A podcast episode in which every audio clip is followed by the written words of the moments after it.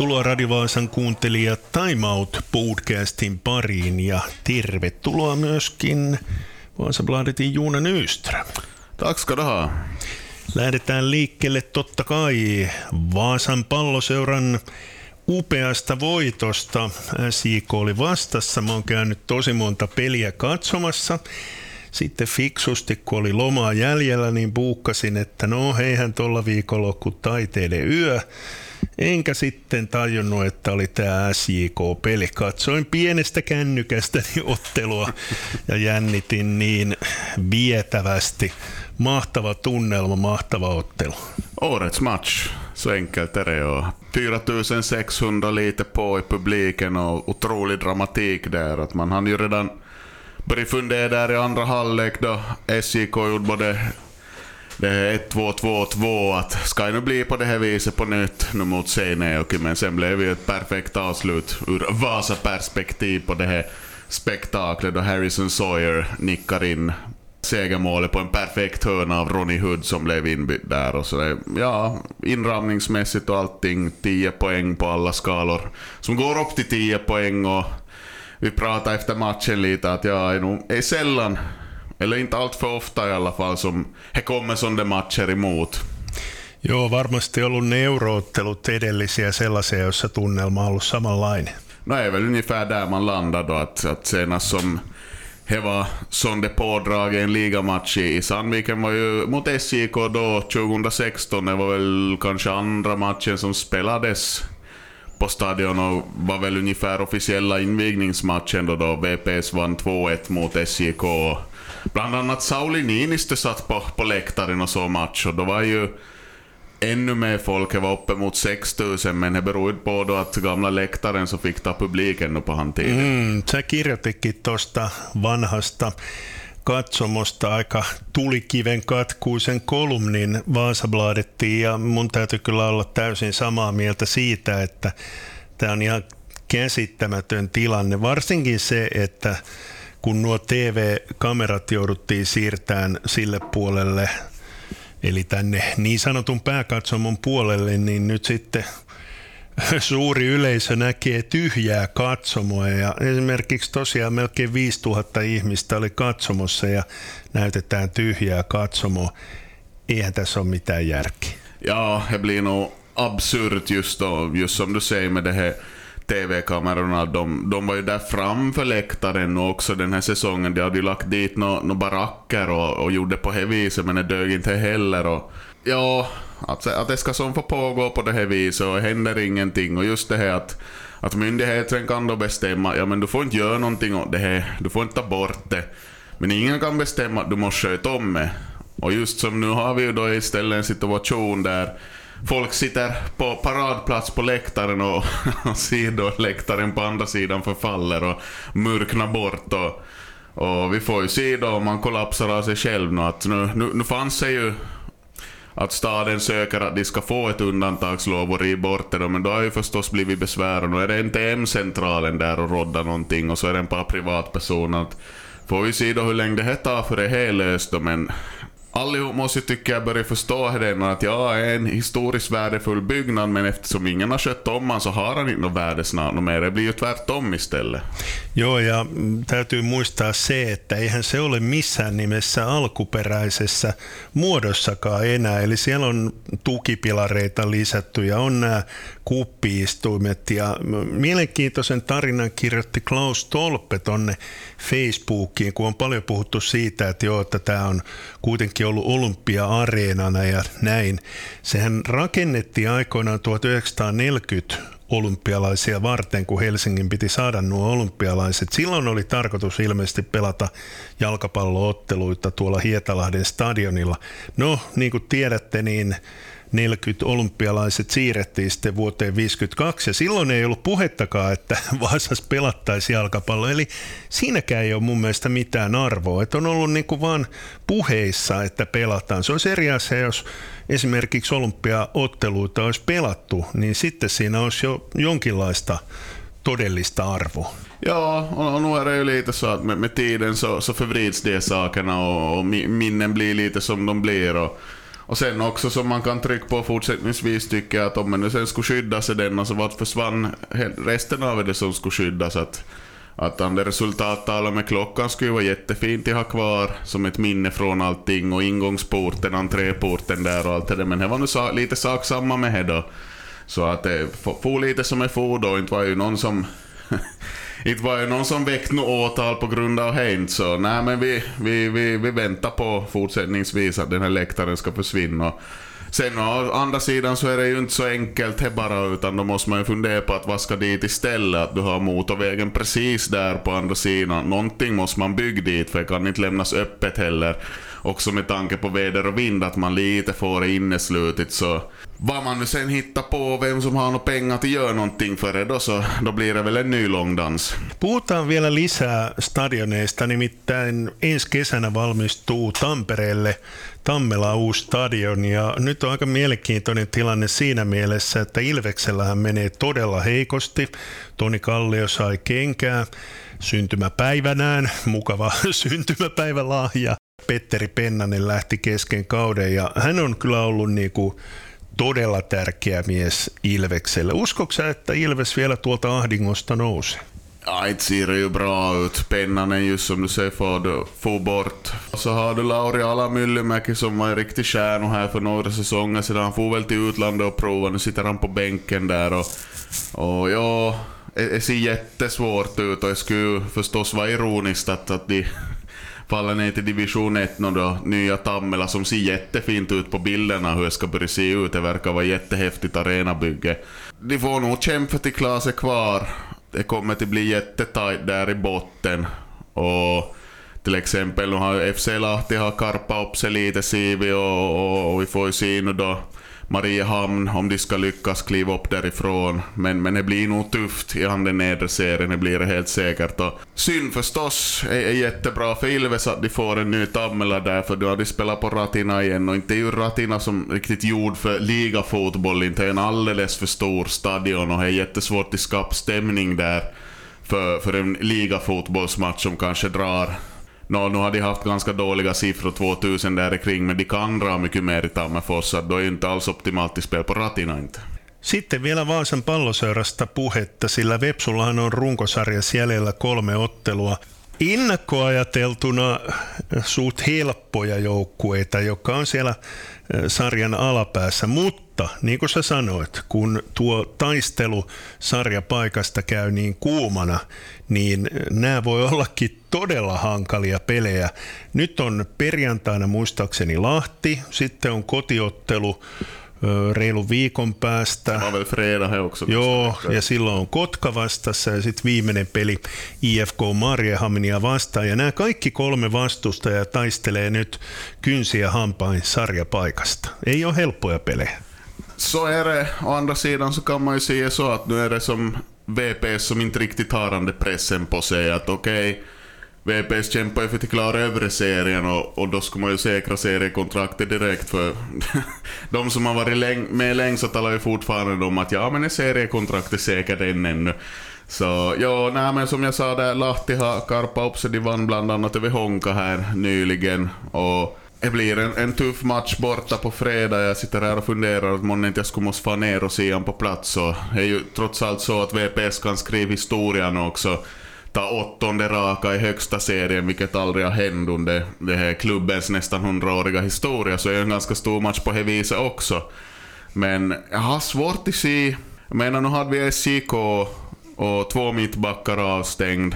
Och ändå fixade de på det viset. Att nu, nu får man tillbaka uppställningen, vi får se Samuel Lindeman var ju och skadade sig lite som har varit med i mittlåset och, och se med hur det är med han. Med han är formen och han är uppställningen och, hur det ser ut just nu så det är svårt att se att de tappar några poäng mot de här lagen. Jag tror nog det ska kunna gå till och med så att det blir nio poäng men Ja, vad blir det då? Tio raka? det känns ju osannolikt, men, men, men då, då det går på det viset och är så, så lentokeli med allting så vill man ju tro på det. Time Out Podcast on käynnissä. Tätä ohjelmaa tehdään tiistai-aamuna ennen Ruotsin ja Espanjan välistä välieräottelua. Toisessa välierässä sitten keskiviikkona pelaavat Englanti ja Australia. Juuna, sun suosikki putos, Japani putos. Ruotsilla tuntuu nyt olevan myöskin semmoinen lentokeli, että kaikki onnistuu ja kaikki tolpat ja rimat ja kaikki on Ruotsin puolella. Ja, precis så. Jag vet hur många gånger tog bollen i ramen då spelade mot Japan. Men, ja, jag tror nog på japanskorna är de så väldigt pigg ut, väldigt bra, rörligt, aggressivt, offensivt spel där. Men eh, jag gillar inte då, och nu får vi ju se då Spanien har ju som inte direkt överpresterat i det här VM heller, så jag tror ju nog svenskarna har en ärlig chans att, att gå till final och, och kanske skulle vara lite drömfinal är det Sverige-England, även om det nu skulle vara förstås jätteroligt att ha en värdnation i final i form av Australien, det skulle vara ganska mäktigt här. Siirrytään sitten eh, hieman toisen muotoiseen palloon, eli oli aika lähellä viime viikolla, että Vaasan joukkueet olisi ottanut niin sanotun tuplavoiton, siis todella katkeraa kalkkia Royalsille. Oliko se yhdeksän sekuntia oli jäljellä, kun Royals vielä johti Crocodilesia vastaan? Joo, jättebra match var faktiskt där i fredags. Crocodiles gick kanske väntat till ledning, men Royals svängde på matchen i andra halvlek. De försvarade jättebra, de, de bröt passningar och, och det var ett väldigt resolut och bra spel. Och, och, sen då ja, så ledde ju Royals då, men Seinejoki fick sista anfallet och med nio sekunder kvar så kom det sista försöket då, då, då var de nära mållinjen och då visste man nog nästan, nog, måste man ju ärligt säga hur jag skulle gå, för då har Seinejoki ligans bästa anfallare då, en kille som heter Christian Powell, så de gav bollen åt honom och inte är det riktigt någon som stoppar honom sen då han riktigt kommer upp i fart. Då han har bestämt sig för att nu ska vara poäng så klockan stannade på fem sekunder kvar då, de gjorde, gjorde det här målet, den här touchdownen och, och sen var det färdigt. Joo, harmittava tappio. Miten se nyt on? Vieläkö Royalsilla on mahdollisuutta noihin pudotuspeleihin? No, åtminstone, nu har inte jag sett hur, om, om någon spelar i helgen och hur det gick, men att det nog, ännu då så var det nog som att de har chansen om de vinner då nu på lördag hemma mot Butchers från Borgo. Men det var ju lite knepigt där, för det var lag bakom som hade mindre matcher spelat och så denna, så det ska vara lite tabellmatematik där. Sitten puhutaan Vaasan sportista.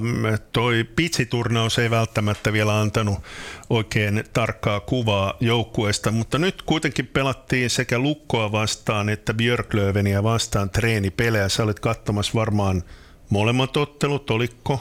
Ja var så Björklöven, ja. Okei, okei. No mutta sen perusteella, niin miltäs näyttää? Man kan ju börja med att säga att nu var ju Miroslav Svoboda i målet mot Lukko, den här nya tjeckiska målvakten. Han gjorde en jättebra match. Så var snacket efteråt och sen en av nyförvärven, Kalle Miketinak där som var i farten direkt. Och Björklöven-matchen, jag vet, lite stökigt spel. Det var, det var väldigt mycket fram och tillbaka. Björklöven tyckte om till forecheck ganska hårt och spel med fart, men framförallt så fastnade mitt öga på Johan Sundström då, centern som kom in efter, efter det här kontraktsproblemen i, i, i Frölunda. Otroligt skicklig center, bra spelöga, bra, bra öga för spelet. Uh, skicklig, lugn med pucken. Man såg i powerplay att han kommer att bli ett ordentligt vapen. Vann teckningar. Otroligt bra värvning. No, man kunde ju nog ana lite då man såg hans meritlista då det blev klart att han ska komma hit. Men jag, jag, jag tror stenhårt på att Sundström kommer att vara en stjärna i ligan och om man nu ser också på det så ser det ut som att Sport har det väldigt bra ställt på centerlinjen nu. Du har då Holmström, Sundström, Miketinak och så Anton Stroka som kommer in då som ny Kabipojtsin som är fostrad i Moik. Så det ser, ser väldigt lovande ut på det viset. Sen kanske fortsättningsvis lite frågetecken på det sportsförsvaret, att kommer det till håll den här säsongen. Mm, mä meinasinkin just kysyä tuosta puolustuksesta, koska siitähän me jo innakko oltiin pikkusen huolestuneita. Sen jälkeen, kun me ollaan puhuttu puolustuksesta, sinnehän on tullut muutamia uusia pelaajia, Leerby ja sitten tämä Rapakon takaa tullut vahvistus, jonka nimen sanot Reece nyt. Scarlett. Kyllä, kyllä. Pystykö ton pelin perusteella vielä sanoa mitään heistä? No Scarlett ser solid ut, han är en stor, stark back, men han verkar också ha händer så det räcker. Och, Och de använde han också i första powerplay-formationen nu mot Björklöven, så han var helt, helt stabil där på linjen. Fördela puck tillräckligt snabbt så att spelet ska flytta på. Så där, där ser jag jag hann inte riktigt få tillräckligt bra uppfattning om de här andra då, men att det är ju mycket spelande back där nu med tanke på att man tog in Atro Leppänen från Kiekko Espoo som inte är någon sån här stor, stor fysisk back utan en spelande, skrinnande back. Och Bine Masic då som har varit här redan, så han ska ju också steppa upp nu, han är precis samma karaktär där. Även om han la in en bra tackling där mot Björklöven, men det är annorlunda försvar där nu och, och och det blir lite det igen att det finns spelare som ska steppa upp och visa att de håller och att det lite liksom står och faller med det. Och det är alltid ett, ett spännande men, men också, också ett utgångsläge som innebär just ett frågetecken. Kuuntelet Time Out podcastia, jossa vielä puhutaan muutamista arvokisoista, eli yleisurheilun maailmanmestaruuskisat käynnistyvät nyt muistaakseni lauantaina. Ja jos nyt suomalaisten osalta pohtii, niin Vilma Murto ja mahdollisesti Oliver Helander ei kai kenelläkään muulla ole mahdollisuutta mitalliin. No, det ska vi väl inte tro. Jag menar, just i löpgrenarna så i EM går det ju att hävda ännu, men då, då är far upp till VM så blir ju konkurrensen nog för hård både på lång och kort distans. Så att vi ska väl tro att det kanske är no, men på något vis skulle kunna skräll så inte vet jag kanske korta häcken för damerna att det skulle kunna mm. hända någonting där. Ja sitten yksi, joka on noussut vähän yllättäenkin mahdolliseksi mitallisuosikiksi on Saaga Vanninen, koska sieltä on jäänyt käsittääkseni muutama kova seitsemänottelija pois lajista.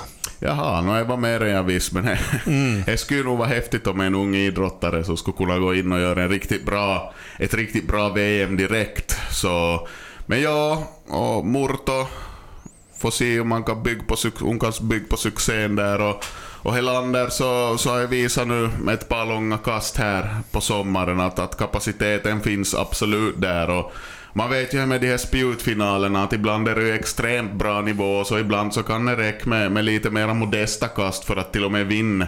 Att det är ganska beroende på så att där kan det ju gå precis hur som helst. Joo, ja ihan kiva on se, että noissa kisoissa aika paljon paikallisia urheilijoita. Siellä on Juho Alasaarta, keihäänheiton puolella alasta, joka alun perin tuolta vähästä kyröstä Camilla Richardsonia, Blunkvist, Natali Blunkvist taitaa olla, en tiedä luettelinko jo kaikki tämä alueen urheilijat vai tuleeko mieleen, että onko vielä joku. Ja, det var väl ungefär där. Joo, niin siinäkin mielessä on tosi kiva seurata noita yleisurheilu MM-kisoja. Sitten puhutaan tietysti vielä ehkä jopa suuremmasta MM-kisasta, ainakin ehkä kansainvälisesti. Mä luulen, että suomalaiset on enemmän yleisurheilukansaa, mutta kyllähän suomalaiset nykyään on myöskin koripallokansaa. Eli koripallo MM-kisat, onko meillä mitään sieltä odotettavissa? Joo, på tal om tuffa turneringar internationellt så ja, no, jag satt en stund igår och såg då Finland spela mot Litauen. Det var väl en träningsmatch och på bortaplan och Lauri Markkanen var ju där med och, och han styrde och ställde lite, men de förlorade ju den matchen. Eller jag gick i bastun just då. Mm. Jo, ni hävis kyllä. Ja, I slutsekunden så konstaterade jag att det blir inte någon sika i bastun, men jag, jag antar de förlorade. Mm. Ja, nej, men det är nog, är nog jättetufft. Det finns, det finns massvis med starka nationer i, i ett basket-VM. Och, man börjar från toppen från USA och i Europa finns en massa med bra länder och Litauen är ett jättebra basketland. Du har Frankrike, du har Spanien, du har det är från Balkanländerna, där är man bra på basket, så att jätte, jättetufft är det ju till klara sig en sån där turnering. Joo, ja periaatteessa se, että on jo selviytynyt noihin kisoihin on aika kova juttu. Så är det ju, så att nu det här får vi ju se då om, om man kan få lite bättre spridning på anfallsspelet i Finland. Det är ju det som skulle krävas om man drar analysen bara på basen av gårdagens match, måndagens match. Att det, det var kanske inte riktigt tillräckligt bra skärpa där just i, i avsluten i kasten och, och sådana saker som måste ju stämma i ett VM. Valioliiga käynnistyi, oliko mitään yllätyksiä? Det var väl kanske just måndag kväll Manchester United hemma mot Wolves. Wolverhampton så överraskande bra med tanke på att de har haft lite krångel. De coachen lämnade just före säsongen och sådär. Och, och de borde ha fått en straff ännu på slutet och chansen till kvitteret i 1-1. Men som vanligt då jag kommer till England och det här domarjobbet så är far lite som är far. Jag satt ju och såg på mitt Tottenham Hotspur på söndagen och där var det ungefär som att, att våran spelare lite nudda en motståndare och så var det straff på VAR. Men Manchester Uniteds målvakt så gick ju ut och boxade någon rakt i ansiktet i straffområdet och då var det inte straff så att det är ju det här vanliga då att ja men, vad eller vad inte. Spekulationerna mm. fortsätter. Tässä oli tämänkertainen Time Out Podcast. Studiossa ovat olleet Anssi Marttinen ja Juuna Nyström. Juuna, kiitoksia. Tack, tack.